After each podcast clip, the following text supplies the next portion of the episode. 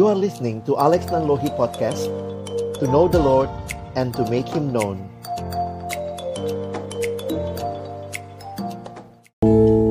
Mari saudara yang dikasihi Tuhan kita berdoa. Kami datang dalam ucapan syukur di hadapanmu ya Tuhan. Terima kasih untuk kesempatan kami beribadah memuji memuliakan namamu Memperingati hari Pentakosta Kalau hari ini kami berkumpul bersama kami percaya Itu semua adalah kasih sayang dan anugerah Tuhan bagi kami Ketika kami sebentar akan membuka firman-Mu ya Tuhan kami mohon bukalah juga hati kami. Jadikanlah hati kami seperti tanah yang baik supaya ketika benih firman-Mu ditaburkan itu boleh sungguh-sungguh berakar, bertumbuh dan juga berbuah nyata di dalam hidup kami. Berkati hambamu yang menyampaikan dan semua kami yang mendengar, Tuhan tolonglah kami semua. Agar kami bukan hanya menjadi pendengar-pendengar firman yang setia, tetapi mampukan dengan kuasa dan pertolongan dari rohmu yang kudus. Kami boleh dimampukan menjadi pelaku-pelaku firman-Mu di dalam kehidupan kami, di dalam keseharian kami. Bersabdalah ya Tuhan, kami umat-Mu sedia mendengarnya. Di dalam satu nama yang kudus dan berkuasa nama Tuhan kami Yesus Kristus, Sang Firman yang hidup. Kami menyerahkan pemberitaan firman-Mu Amin. Silakan duduk. Shalom. Selamat siang Bapak Ibu Saudara yang dikasihi dalam Tuhan Yesus Kristus baik yang hadir secara onsite maupun Bapak Ibu Saudara yang ada di tempat masing-masing mengikuti ibadah kita. Saat ini kita bersyukur kepada Tuhan ketika kita merayakan hari Pentakosta. Hari Minggu nanti gereja akan merayakan Pentakosta atau yang kita sebut sebagai hari turunnya Roh Kudus, pencurahan Roh Kudus. Nah, saya mengajak kita memikirkan tema yang diberikan kepada kita sama-sama pada siang hari ini adalah the unlimited power. Kuasa yang tidak terbatas dan itulah kuasa Allah Roh Kudus yang boleh dialami umat Allah gereja Tuhan hingga hari ini. Saya menyiapkan satu presentasi PowerPoint buat kita untuk mengikuti penjelasan di dalam bagian ini.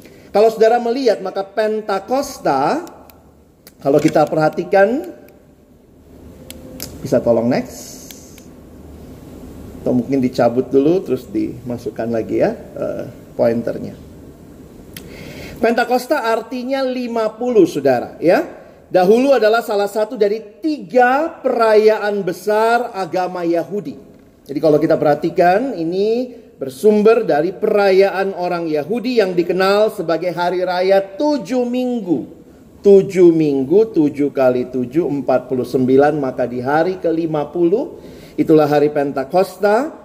Dan Pentakosta dirayakan lima puluh hari setelah panen gandum dimulai hari yang dikhususkan untuk mengucap syukur kepada Allah atas panen yang sudah selesai. Jadi itu tradisinya. Nah, menarik kemudian kalau kita perhatikan di kemudian hari Pentakosta dirayakan juga untuk memperingati pemberian hukum Allah kepada Musa di Gunung Sinai sebagaimana yang ditulis dalam kitab Keluaran dan perayaan ini lihat maknanya ya menyatakan tentang pemenuhan penggenapan dan sesuatu yang telah selesai. Jadi komplit baik yang dirayakan mengingat hari raya mereka tadi ya uh, gandum itu pas hari terakhirnya jadi kayak komplit lengkap genap demikian juga memperingati Musa yang telah menerima hukum Allah sehingga di dalam satu bagian yang saya baca dalam persiapan saya ada kalimat begini ya. Sungguh tepat. Roh Kudus dicurahkan atas gereja pada hari raya tersebut.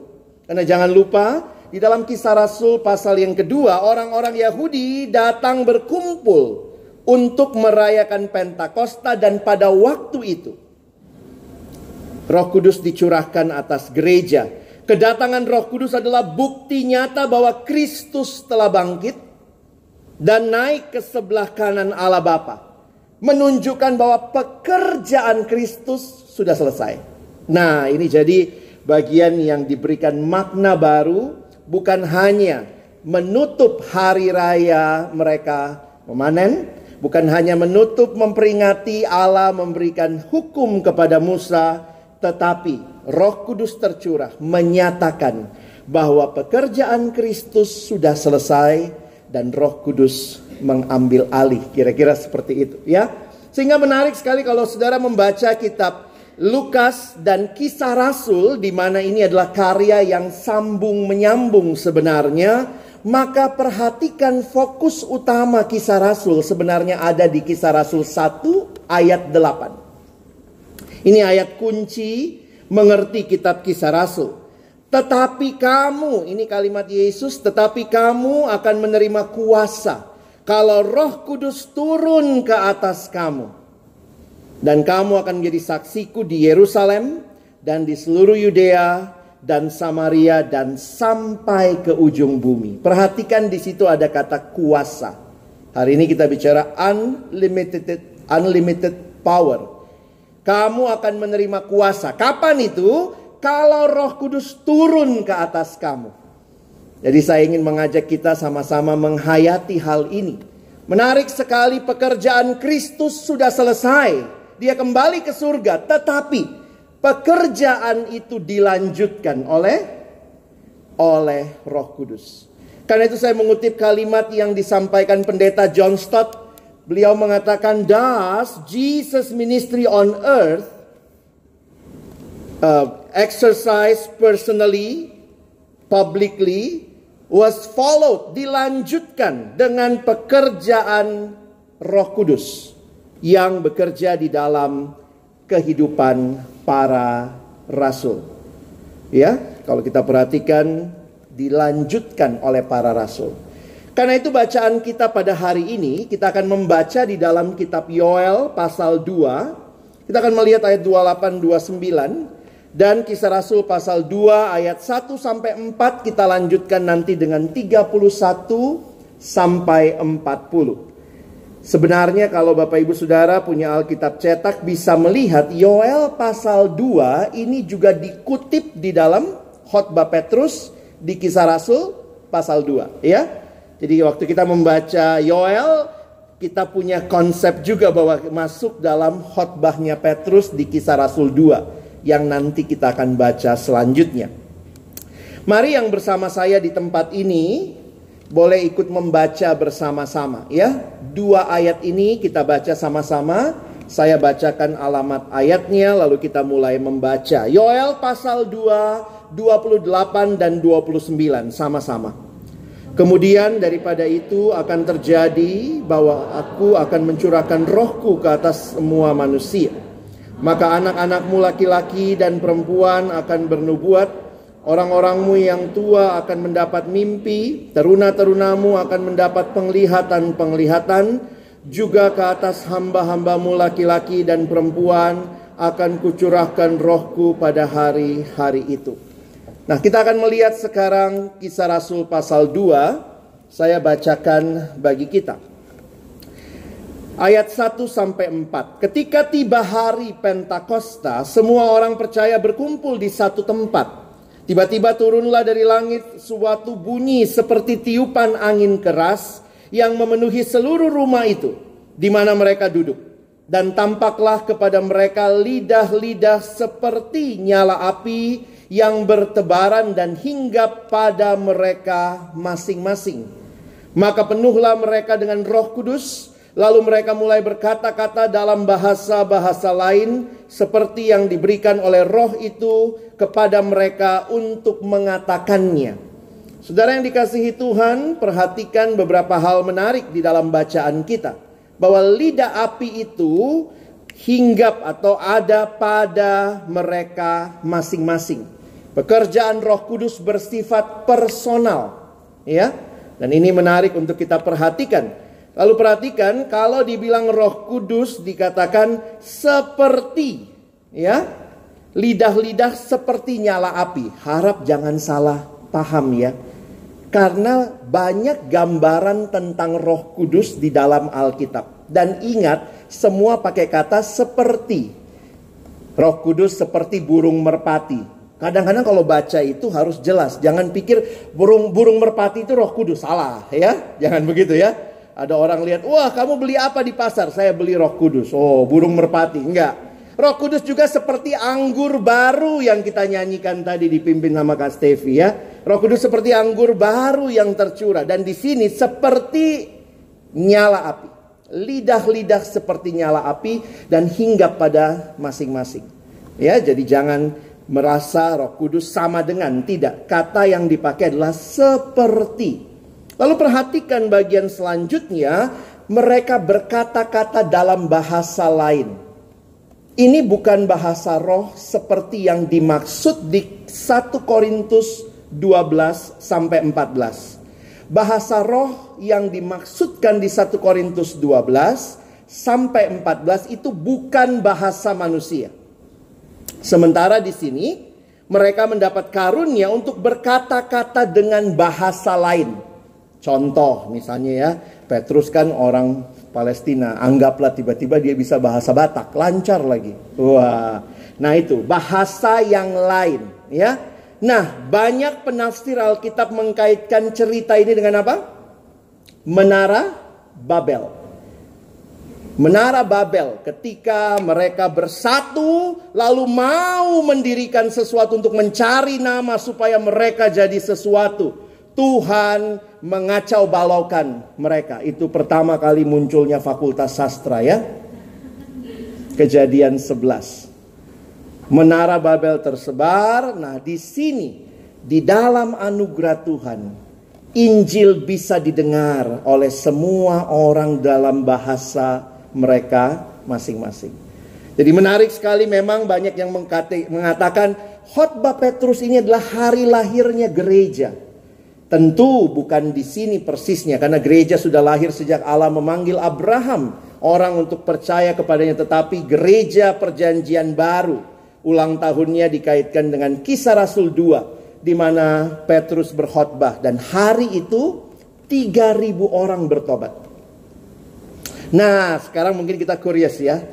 Petrus khotbah apa sih? Nah, mari kita lihat isi khotbahnya. Kita tidak akan membaca semuanya, nanti saya coba summarize, tetapi kita akan melihat dari ayat 31. Karena khotbahnya sebenarnya mulai dari 14 kalau saya tidak salah lihat gitu ya. Nanti teman-teman bisa baca, tapi kita akan lihat dari Kisah Rasul 2, kita akan lihat mulai dari ayat 31. Mari yang pria bersama saya baca 31, yang perempuan baca 32, kita bergantian sampai 41. Oke? Okay? Yang pria dulu ya, karena kami dicipta lebih dulu. Gitu ya. Nanti bagian wanita ya. Yang dosa lebih dulu ya katanya. Enggak ya, sama-sama suami istri dikasih suaminya, suaminya mau. Dasar. Ya. Baik, mari pria mulai baca. Satu dua ya. Karena itu ia telah melihat ke depan dan telah berbicara tentang kebangkitan Mesias ketika ia mengatakan bahwa dia tidak ditinggalkan di dalam dunia orang mati dan bahwa dagingnya tidak mengalami kebinasaan.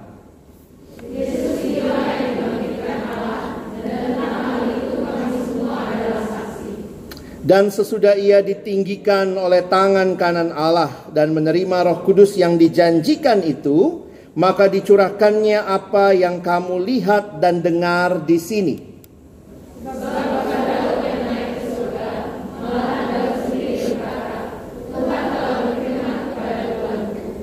Duduklah di sebelah kananku sampai kubuat musuh-musuhmu menjadi tumpuan kakimu.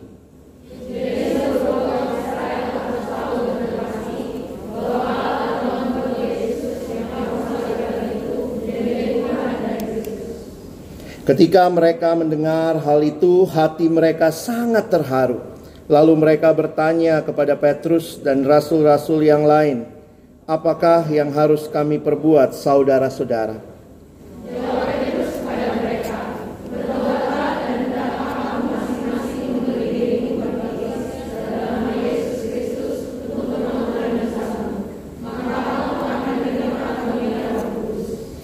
Sebab bagi kamulah janji itu dan bagi anak-anakmu dan bagi orang yang masih jauh, yaitu sebanyak yang akan dipanggil oleh Tuhan Allah kita.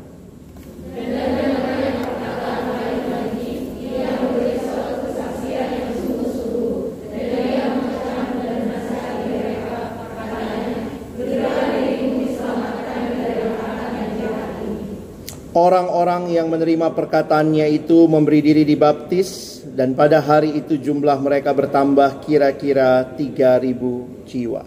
Sedemikian jauh pembacaan kitab suci yang berbahagia adalah kita yang bukan hanya membacanya tetapi juga merenungkannya, melakukannya dan bahkan membagikannya. Saudara yang dikasihi Tuhan, khotbah macam apa yang bikin orang bertobat 3000 orang?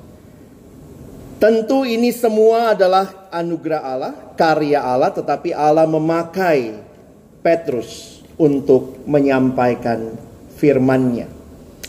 Sehingga bagi saya menarik untuk memperhatikan, melihat ya. Hari ini kita bicara KKR ya. Wis, kita mau KKR. 3000 bertobat ini nggak sampai 3000 ya.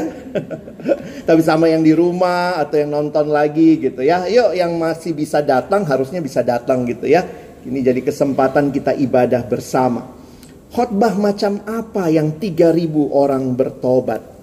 Bagi saya menarik sekali bagaimana Tuhan memakai Petrus dan Tuhan memakai dia dengan luar biasa. Kalau kita perhatikan dalam slide berikutnya, saya mencoba menggambarkan ya bagaimana Petrus berkhotbah dan kalau saudara memperhatikan Petrus di dalam khotbahnya ini mengutip ucapan Nabi Yoel. Di tengah cibiran dan ejekan karena mereka dibilang mabuk oleh anggur manis, Petrus memberi harapan baru bagi jemaat mula-mula. Dan ini kita bisa pelajari ya, saat tantangan berat menghadang, tetaplah kita menjalaninya. Jadi bukan waktu dibilang, wih ini pada mabuk anggur lalu mereka stop ya. Bayangkan kalau rasul-rasul baper. Lu bilang gue mabuk anggur, hm, udah gue berhenti gitu ya. Sayangnya rasul-rasul nggak baper ya, puji Tuhan ya. Dan apa yang terjadi kalau saudara perhatikan, nah ini bagi saya menarik. Apa maksud nubuat Yoel ini? Nubuatan Nabi Yoel ini memaparkan bahwa janji pencurahan roh kudus telah dinyatakan Allah bukan waktu hari Pentakosta. Tapi bahkan sejak perjanjian lama. Telah dinubuatkan dan digenapi pada hari Pentakosta. Dan perhatikan kalimat Petrus di akhir tadi. Sampai kepada orang-orang yang mana Tuhan mau selamatkan. Berarti masih terus terjadi hingga hari ini. Karya Tuhan yang luar biasa. Setiap kali melihat ada orang yang datang kepada Tuhan bertobat, menyerahkan diri, mau dibaharui hidupnya, saya pikir betul. Roh Kudus terus bekerja hingga hari ini. Janji nubuat ini telah digenapi Allah karena Roh Kudus telah turun dan sedia menolong kita yang berseru kepadanya. Nah, Saudara menarik di dalam perjanjian lama, Roh Kudus itu hanya diberikan kepada segelintir orang untuk tugas khusus. Karena itu kita bisa melihat beberapa kalimat di Alkitab Perjanjian Lama, setelah Roh Kudus bekerja dalam diri orang itu maka dia undur diri. Misalnya Roh Allah meninggalkan Saul tetapi kalau kita perhatikan ini beda sekali dengan perjanjian baru. Sebagaimana janji Yesus di Yohanes, janji pencurahan nubuat Yoel di sini bagi setiap orang bahkan dikatakan buat semua lapisan dan semua lapisan usia dan sosial. Teman-teman bisa lihat tadi ya. Itu ya, ada di situ. Ada anak-anak, ada orang tua gitu ya ada hamba, hamba itu status sosialnya rendah, ada juga orang-orang yang memiliki budak. Jadi menarik sekali ada satu uh, diagram waktu saya googling gitu ya, sayangnya nggak terlalu jelas ya, tapi nggak tahu ini kelihatan buat teman-teman. Jadi di Old Testament dalam perjanjian lama Pentakosta dikaitkan dengan itu ya, yang tadi kita sudah pelajari di perjanjian baru di mana kita mengingat Roh Kudus diberikan dan juga terjadi tuayan beda sama tuayan perjanjian lama menuai gandum ini menuai jiwa dan roh Allah ini diam atas orang-orang secara umum dari berbagai bangsa. Nah, kalau kita bicara Pentakosta, apa yang dihotbahkan? Saya kalimat ini menarik waktu saya persiapan, saudara ya. Ketika kita berkhotbah di hari Pentakosta, seorang penafsir Alkitab bernama David Cook banyak gereja masa kini biasanya mengkhotbahkan tentang Roh Kudus pada peringatan hari Pentakosta. Namun yang terjadi, namun yang menjadi fokus khotbah Petrus adalah Yesus, bukan Roh Kudus. Petrus hanya berbicara tentang Roh Kudus dalam kaitannya dengan Yesus. Tapi jangan nanti hari Minggu besok koreksi pendetanya, ih bukan Roh Kudus pak, gitu ya. Menarik, kenapa? Karena Roh Kudus adalah pribadi yang paling silent di dalam Alkitab. Kalau kita membaca, saya juga coba studi beberapa bagian, memang Roh Kudus itu selalu mengacu kepada Yesus, bukan kepada dirinya. Makanya kalau gereja-gereja masa kini sangat keranjingan Roh Kudus, sampai-sampai rasanya Roh Kudus menjadi sesuatu yang dia bisa bahasa roh, dia bisa karunia ini, dia bisa menyembuhkan, dia bisa yang lain dan lupa Yesusnya, saya pikir kita kehilangan semangat Pentakosta. Pesan utama dari khotbah Pentakosta hari itu adalah bahwa Yesus telah disalibkan, dibangkitkan hidup dan sekarang dimuliakan di sebelah kanan Allah Bapa dan bahwa Petrus serta murid-muridnya adalah saksi mata dari semua peristiwa itu. This is a Christ-centered sermon. Yesus, nah ini kira-kira kalau di summarize ya, apa isi khotbah Pentakosta? Ini summary-nya. Yesus telah ditentukan oleh Allah, lihat ayatnya ada. Sesuai dengan maksud dan rencana Allah untuk disalibkan, ada ayatnya. Dan dibangkitkan hari kematian, dari kematian. Kematian tidak berkuasa atas Yesus karena dia tidak berdosa.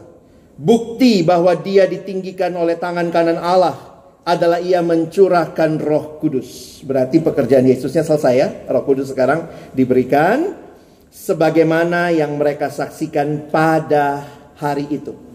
Dan ringkasan khotbahnya sebenarnya ayat 36 ya.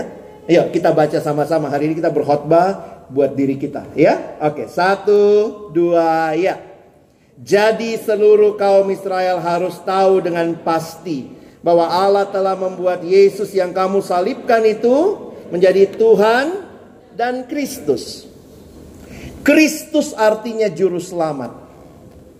Kalau khotbah Pentakosta hari itu menegaskan hal ini, maka dalam KKR KKR masa kini kita menegaskan hal yang sama. Maukah engkau percaya Yesus sebagai Tuhan dan juru selamat. Tuhan dan Kristus. Kebangunan rohani yang sejati tidak terjadi karena suasana. Tetapi karena firman Tuhan diberitakan Kristus ditinggikan dan roh kudus bekerja. Maka ada kebangunan rohani. Saya beberapa kali pimpin retret anak sekolah minggu, anak remaja. Baru beberapa waktu lalu juga sedang persiapan dengan guru-guru sekolah minggu mau bikin retret anak satu SMP. Lalu kemudian ada satu bapak guru sekolah minggu tanya. Jadi nanti pas Kak Alex khotbah, kita perlu matikan lampu. Heh. Jadi dia maunya ada suasana. Wow, begitu ya. Saya bilang, Pak, orang bertobat itu bukan karena suasana. Mau dimatiin lampu, nyalakan supaya bisa baca Alkitab. Supaya waktu dia baca Alkitab, dia berjumpa dengan Kristus yang disampaikan di dalam Alkitab. Roh Kudus bekerja. Suasana bukan satu-satunya cara membawa pertobatan, bahkan bukan cara sama sekali yang Alkitab tunjukkan. KKR itu malam. Eh, Petrus kapan? Lihat kisah Rasul 2 ya. Masih pagi. Karena kemarin mereka agak debat. Bagusnya pagi, bagusnya malam kalau KKR itu ya. Supaya orang lebih gimana gitu ya. Karena mau tidur kali ya. Biar kalau khotbahnya panjang. Aduh Pak Pendeta sudahlah saya angkat tangan. Apa pun panggilannya saya angkat tangan. Saya mau tidur.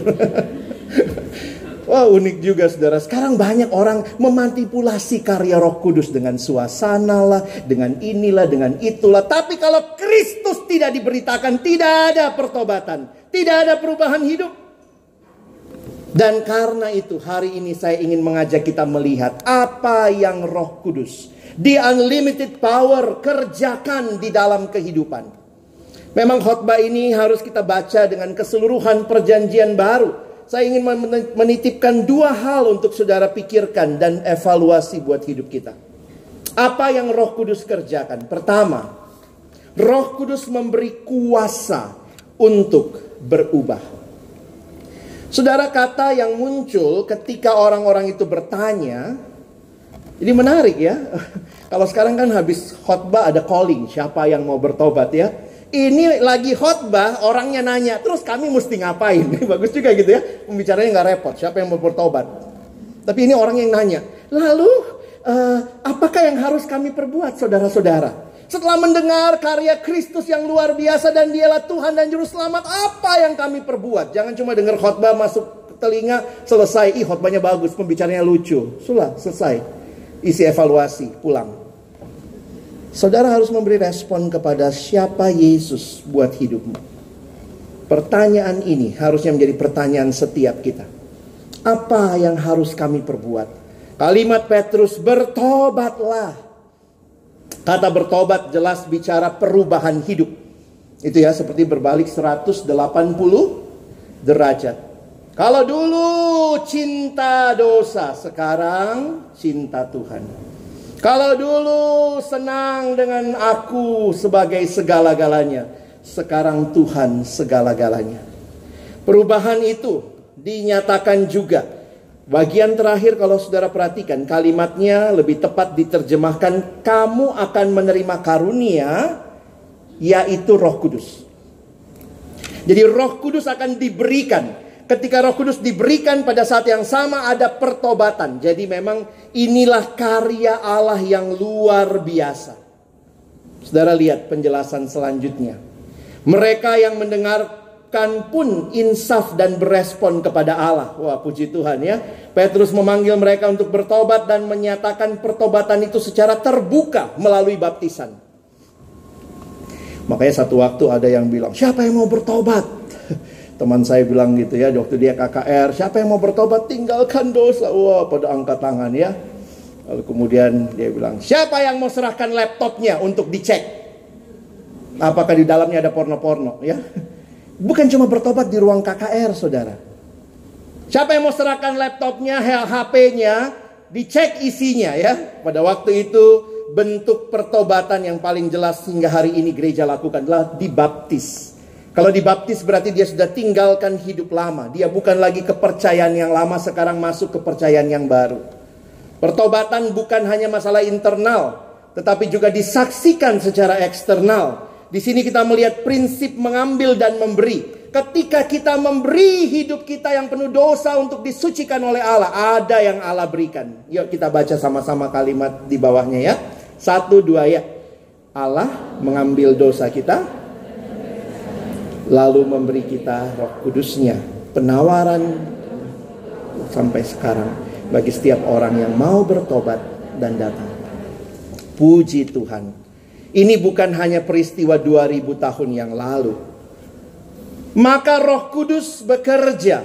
Roh kudus memberi kuasa. Sehingga ketika kita mendengar berita tentang Kristus. Yesus yang mati dan bangkit. Yesus yang memberikan hidup yang baru saudara. Siapa Yesus ini ya? Yang kehadirannya di dalam dunia bahkan membelah dunia menjadi dua sejarah besar. Sebelum Kristus, BC, before Christ, dan AD, Anno Domini, tahun Tuhan kita. Hebat banget Yesus ya. Membelah dua sejarah dunia, tapi jauh lebih hebat. Dia bisa membelah hidupmu menjadi hidup yang baru dan meninggalkan hidup yang lama. Melalui karya Allah, di sinilah kita melihat kuasa itu. Saya mau angkat sedikit tentang kuasa Roh Kudus dalam kaitan dengan hidup baru. Coba saudara perhatikan. Roh Kudus itu adalah roh yang membangkitkan Yesus. Saudara percaya itu? Itu kan kalimat Alkitab.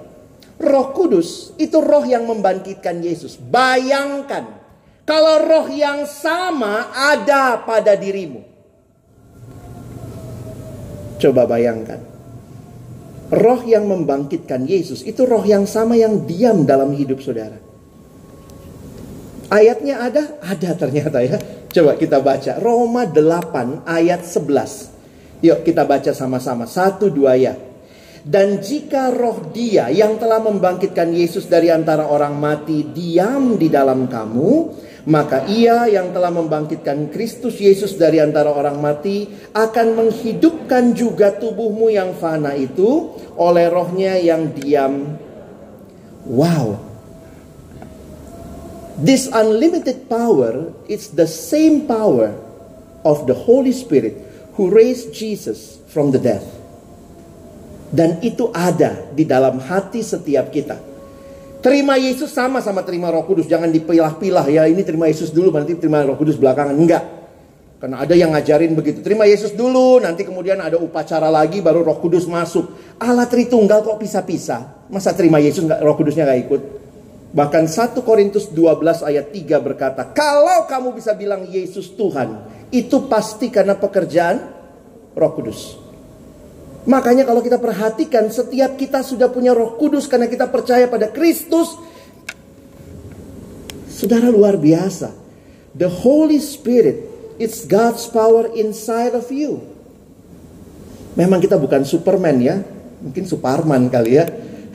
Tapi kadang-kadang kalau kita buka baju gitu ya. The unlimited power within you. Sudahkah kita? Sadarkah kita? Bahwa kuasa Allah yang maha hebat itu ada bagi kita yang percaya? Harusnya kita bilang, yes, I believe God's power in me. Dan kuasa itu, saudara, bukan hayalan, bukan impian, tapi realita yang dinyatakan dalam kehidupan orang percaya. Melalui ketaatan kepada kehendak Allah, orang percaya menikmati kuasa Allah yang hebat itu. Makanya kalau kita sudah hidup baru, Roh Kudus memampukan kita untuk hidup bagi Allah. Hidup serupa dengan Kristus. Teman-teman ada yang nanya, kenapa namanya Roh Kudus? Apakah Roh Kudus itu berarti kenapa nggak Yesus Kudus, Bapak Kudus? Kenapa namanya Roh Kudus? Apakah dia lebih kudus dari Bapak? Apakah dia lebih kudus dari Yesus? Tidak. Tetapi roh itu diberikan untuk memimpin hidupmu dan hidupku makin hari makin kudus. Dan ini adalah kuasa yang luar biasa yang kita alami karena Kristus yang bangkit itu. Dia menyelesaikan pekerjaan yang Allah berikan kepada dia dan dia mengutus Roh Kudus mendampingi kita senantiasa. Perhatikan kalimat ini. Melalui kebangkitan Kristus yang hidup kembali, dia memberi kita kuasa atas segala kecenderungan dosa ketika kita mengizinkan Dia mengendalikan kehidupan kita. Saudara, mau rayakan Pentakosta? Rayakanlah kehadiran Roh Kudus dalam hidupmu yang dinantikan dengan begitu lama dicurahkan dan bagaimana menyatakannya melalui pertobatan. Kita paling takut virus apa? COVID ya belakangan. Sekarang ada lagi. Banyak banget ya variasi ya. Kita hidup dalam dunia makanya pakai masker mending tutup aja ya. Masker dijahit kali ya. Karena udah takut juga ya. Ini salah, itu salah. Kemarin ada tikus lagi gitu ya. Banyak banget. Kita ada dalam dunia yang begitu ngeri. Tetapi sebenarnya virus yang paling ngeri itu apa? Pandemi yang sesungguhnya bagi saya sebenarnya dosa. Karena kalau bicara COVID, COVID dibilang pandemi benar, terjadi di banyak tempat di dunia. Tapi kan nggak semua kena, benar ya? Tetapi yang namanya dosa, ini kena semua orang. Mau dia tua, muda, miskin, kaya. Semua kena. Laki-laki, perempuan, dosen, mahasiswa, karyawan, semua bisa kena. Eh, ya memang kena ya. Karena upah dosa adalah maut. Semua manusia berdosa. Sin is the real pandemic. Karena itu hati-hati dengan dosa. Kalau kita bisa begitu waspada terhadap COVID. Kita pakai masker. Apa maskermu melindungimu dari dosa? Jangan-jangan virus-virus ini dekat dengan hidup kita ya. Kemalasan. Bisa sih datang kebaktian tapi malas. ya. Memang lebih nyaman ya online. Ya bukan berarti yang online salah. Tidak. Silahkan kalau memang tidak bisa ditinggalkan. Tapi kalau bisa sekarang gereja lagi kesulitan mengajak jemaat balik ke gereja. Ya. Karena iya enak bisa nonton pendeta. Doa syafaat, ah, pause dulu lah. Nanti lanjutkan lagi. Jadi kita harus ingat ya, jangan-jangan kemalasan, kemarahan, memang suasana belakangan ya. Makanya saya kalau lihat status mahasiswa, anak-anak gitu ya. Ini status generasi apa?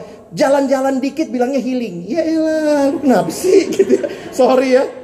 Maaf ke Indomaret bilangnya healing. Ya ampun. Karena mungkin udah terkungkung di rumah ya, udah stres gitu. Ini generasi healing-healingan gitu ya. Sehingga kadang-kadang kalau di rumah bawaannya marah, senggol bacok. Dipanggil makan, apa? Makan nanti. Ini masih main game gitu ya. Ini generasi yang kayak hati-hati. Jangan-jangan kamu mungkin ya kebaktian, kebaktian, tapi marahnya nggak hilang. Roh Kudus nggak punya kuasa. Kamunya yang kurang taat karena kuasa itu bekerja kalau kamu taat. Lihat ya caranya begitu. Itu bekerja kalau kamu taat. Kalau kamu taat maka kuasa itu ada. Masalahnya kenapa kita nggak alami? Karena mungkin kita nggak taat. Banyak orang punya tapi nggak sadar atau tanda kutip nggak tahu cara pakainya. Ada yang bilang kak saya sakit kepala gitu ya. Oh terus uh, belilah obat sakit kepala. Anggaplah merek X ya. Terus kemudian udah Besoknya ditanya, gimana masih sakit kepala? Masih kak, sudah beli obatnya? Sudah. Loh, kenapa masih sakit? Obatnya kamu apain? Ya, saya lihat obatnya saya taruh di bawah bantal. Punya obatnya, tapi nggak tahu cara pakainya. Roh Kudus ada? Jangan bilang nggak ada. Ada. Tapi saudara taat nggak? Kok dia nggak ubah saya? Seorang anak datang kepada saya dan konseling. Bilangnya gini, kenapa Tuhan izinkan saya jatuh dalam dosa? Heh, Tunggu dulu, tunggu dulu. Saya ini lemah kak. Kenapa saya jatuh terus? Saya bilang, hei Tuhan kasih kamu kekuatan. Mana kak? Kan saya jatuh lagi. Kamunya tidak taat. Kuasa itu bekerja kalau kamu taat. Saudara ini yang Tuhan nyatakan. Jadi jangan, ya alasannya gitu ya. Saya banyak layannya anak SMA. Oh kalau anak SMA tuh ya menjelang lulus-lulus tuh ngomongnya Tuhan terus tuh. Ya, anak takut kan nggak kuliah ya. Ya kalau tanya, aduh Kak Alex, aduh saya nggak tahu Tuhan mau apa buat hidup saya. Aduh Kak Alex, saya nggak tahu Tuhan mau saya jurusan apa. Aduh Kak Alex, saya nggak tahu. Semua Tuhan Tuhan terus saya bilang, oh gitu deh ya. Kau rajin baca Alkitab. Ah itulah kak, terlalu sibuk aku kak, jadi nggak sempat baca Alkitab. Kau mau tahu kehendak Tuhan, tapi nggak pernah baca Alkitab. Dari mana? Ya harusnya kalau dia Tuhan dia nyatakan langsung. Heh, kau yang Tuhan itu. Banyak dari kita bicara Tuhan, tapi kita nggak mengandalkan Dia. Doanya apa? Kalau coba, kalau pernah kan bayangkan jadi Tuhan, mau jadi Tuhan sebentar ya, coba bayangkan. Bayangkan, saya jadi Tuhan ya, wah berkuasa. Lalu ada yang datang minta, Tuhan berikan saya kesehatan, tapi rokoknya jalan terus. Gimana kau Tuhan? Selesaikan itu, selesaikan. Ayo. Ini kan kita bercanda sama Tuhan. Roh Kudus memberi kuasa untuk saudara dan saya meninggalkan kenajisan, kemalasan, untuk meninggalkan ini ada cheating di situ ya. Ada bohong, envious, ya iri hati, porno. Aduh, saudara ini memang pergumulan hidup ya. Jangan-jangan kita bicara Tuhan Tuhan, tapi kita hidup seperti orang yang tidak bertuhan. Karena kita nggak alami kuasa yang sudah kita miliki itu. Tapi ketika Roh Kudus hadir, kita bisa berkata, "Aku bebas." Alami this unlimited power yang membawa saudara di dalam hidup yang dimerdekakan dari dosa. Yang terakhir, this unlimited power, Roh Kudus ini memberi kuasa untuk bersaksi, saudara. Perhatikan tadi ayatnya ya. Jadi bukan kuasa untuk ngapain. Kadang-kadang kita senang punya kuasa. Untuk apa? Untuk pamer. Eh, saya ada kuasa Allah. Eh, tuh, oh, kan jatuh kau. Kuasa itu dikasih untuk bersaksi. Kamu akan jadi saksiku. Saya mengutip kalimat dari Matthew Henry dalam komenterinya. Dia bilang begini, khususnya kaitan dengan peristiwa Pentakosta. Peristiwa Pentakosta mempunyai arti penting untuk memberikan otoritas dan juga pengesahan atas para murid sebagai utusan dari Allah Sehingga sama seperti Musa saat berhadapan dengan semak belukar yang menyala. Orang banyak yang mendengarkan mereka akan berbalik dan memperhatikan peristiwa yang luar biasa itu. Jadi kalau saudara perhatikan, inilah Pentakosta. Bukan hanya saya mengalami perubahan, tapi saya menyaksikan Yesus yang mengubah hidup saya. Teman-teman indah sekali ya. Kalau kita pakai bahasa, saya kutip kalimat pendeta John Stott. Agak sulit sih bahasanya, tapi kira-kira begitu ya. Ketika saya berubah seperti Yesus, saya pun harus memperkenalkan Yesus. Nah, dalam bahasa yang lain dia bilang begini. Roh Kudus, the Holy Spirit not only internalize Jesus, bring each one of us to become more like Jesus, but at the same time the Holy Spirit universalize Jesus through God's people wherever they go. Roh Kudus itu bukan hanya membuat kita secara internal makin mirip Yesus, tetapi juga membawa kita semakin jadi orang Kristen universal yang memberitakan, memperkenalkan Yesus. Karena the same Holy Spirit who sanctifies, unites and build us builds up the church is also concerned to evangelize the world. For he is essentially a missionary spirit. Holy Spirit is essentially a missionary spirit. Saya kutip lagi kalimat Bishop William Temple. No one can possess or rather indwelt by the Spirit of God and keep that Spirit to himself. Bohong itu kata dia. Kalau kamu ngomong saya dipenuhi roh kudus tapi kamu simpan untuk dirimu. Where the spirit is, he flows forth. Di mana roh itu ada, dia akan mengalir keluar. Dan tanpa aliran yang keluar itu, sebenarnya dia nggak di situ. Makanya kalau gereja tidak bermisi, jangan bicara roh kudus. Jangan rayakan Pentakosta. Apa yang dirayakan? Tidak ada gerakan keluar. Dan inilah saudara dan saya dipanggil jadi saksi. Sampai kapan? Selama-lamanya kita hidup dan sampai ke ujung bumi. To the ends of the earth. Apa artinya? Ini bicara proklamasi berita Injil itu kepada semua orang di mana pun saudara dan saya hadir. Hari ini kita melihat kuasa Roh Kudus, kuasa Allah yang luar biasa. Dua hal saya bagikan bagi kita. Roh Kudus memberi kuasa untuk berubah supaya saudara dan saya semakin serupa Yesus dan Roh Kudus yang sama memberikan kita kuasa untuk bersaksi, bersaksi tentang pribadi dan karya Kristus. Saya merangkum ini dalam satu slogan yang saya senang. Kita dipanggil untuk makin mirip Yesus. Bahasa perjanjian baru, makin kenal Yesus. Kita dipanggil untuk bersaksi bahasa sederhana biar matching, memperkenalkan Yesus. Di podcast saya, saya punya semboyan itu ya. To know God and to make him known. Ini panggilan gereja karena Roh Kudus hadir. Mari evaluasi hidup kita. Apakah kita sudah mengalami perubahan karena Roh Kudus yang diam dalam hidup kita bekerja? Ketika saudara dan saya taat, kuasa Allah bekerja, bahkan membawa kita juga menyaksikan Yesus kepada dunia. Harusnya hidup kita jadi hidup yang berubah ya. Hidup yang beda dengan dunia. Saudara pernah belajar prinsip ikan? Ikan itu katanya selama hidup selalu berenang melawan arus. Hanya ikan mati yang ikut arus. Atau ikan yang pura-pura mati ada itu ya ikan itu ya. Yang kadang-kadang ah, saya pikir mati enggak dia. Dan yang kedua yang bagi saya menarik begini ya. Ikan kalau kalian mancing di laut. Kalau dapat ikannya meskipun air laut asin, ikannya tetap tawar ya. Ada nggak pergi mancing di laut begitu dapat apa kalau dapat ikan asin?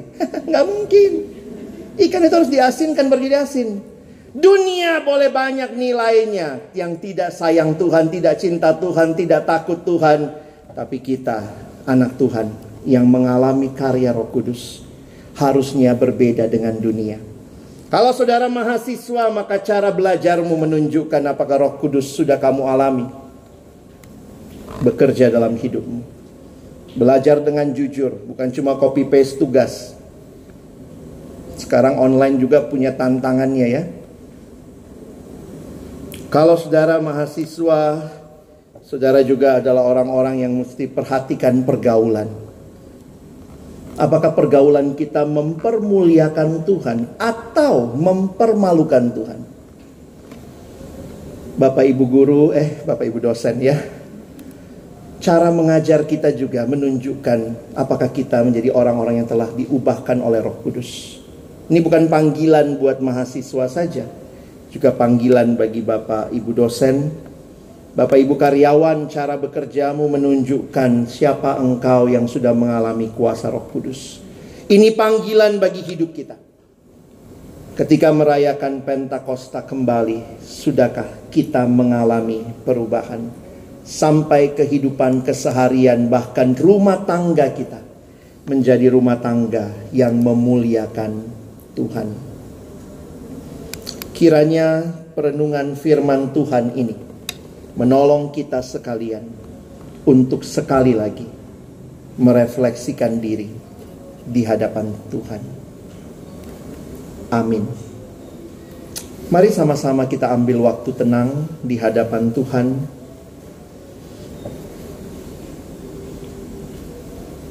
Sebelum saya menutup di dalam doa, izinkan saya sebagai hamba Tuhan mengajukan beberapa pertanyaan untuk saudara jawab secara pribadi di dalam hati masing-masing. Adakah saudara yang hari ini berkata, "Tuhan, di sini saya. Saya rindu hidup di dalammu." Dan jika selama ini saya belum pernah sungguh-sungguh buka hati terima Yesus dalam hidup saya, maka hari ini biarlah saya mengalami karya Roh Kudus yang melahir barukan itu. Bagi Bapak Ibu Saudara yang mau buka hati terima Yesus, mari di hadapan Tuhan yang Maha Tahu kita katakan Tuhan di sini saya saya tidak mau lebih lama di dalam dosa, saya mau hidup bagimu. Mari buka hati terima Yesus. Ingat betul, dialah Tuhan dan Juru Selamat. Dia mau saudara hidup dalam kemerdekaan, bukan menikmati dosa. Tetapi boleh bersaksi tentang dosa yang sudah dikalahkan.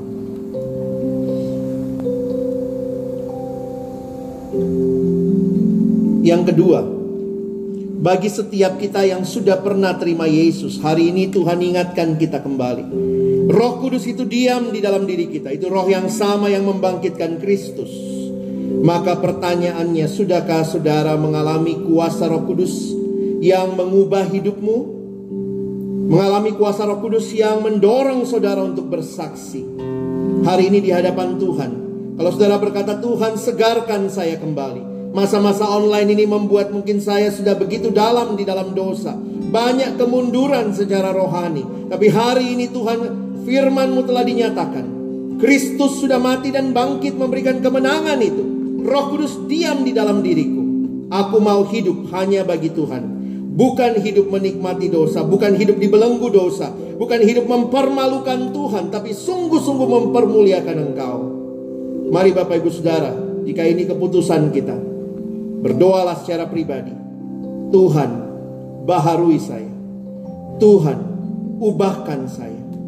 Tuhan, ini hidup saya.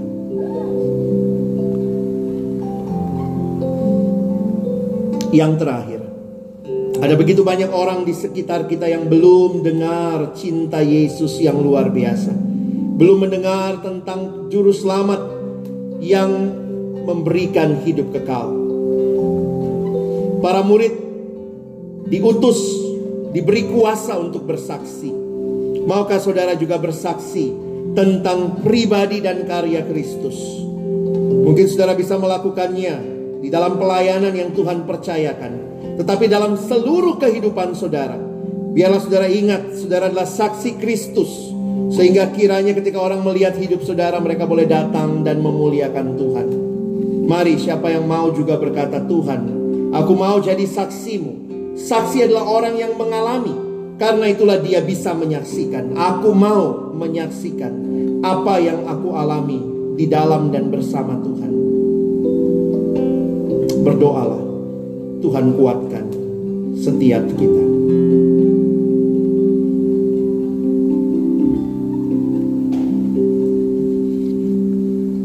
Mari kita tunduk kepala dan berdoa bersama. Kebangunan rohani yang sejati terjadi ketika kami berjumpa dengan Kristus di dalam firman. Dan hari ini firman telah diberitakan, kami telah mendengar apa yang Tuhan kerjakan di dalam kehidupan kami. Terima kasih untuk kehadiran Roh Kudus yang terus membawa kami ke dalam pertobatan hari demi hari. Dan terima kasih untuk karya kasih-Mu yang juga memberi hak istimewa bagi kami untuk menjadi saksi Tuhan di mana pun kami berada. Tuhan terima kasih sekali lagi. Kiranya hidup kami, kami persembahkan sepenuhnya bagi kemuliaan. Di dalam nama Tuhan Yesus Kristus, kiranya Engkau mendengar dan melihat semua kami yang mengambil keputusan hari ini, agar kiranya hidup kami semakin selaras dengan kehendak-Mu. Bagimulah Tuhan seluruh hidup kami. Di dalam nama Tuhan Yesus yang sudah mati dan bangkit memberi kemenangan itu bagi kami, mengutus Roh Kudus diam di dalam kami. Kami berdoa, kami mengucap syukur. Amin.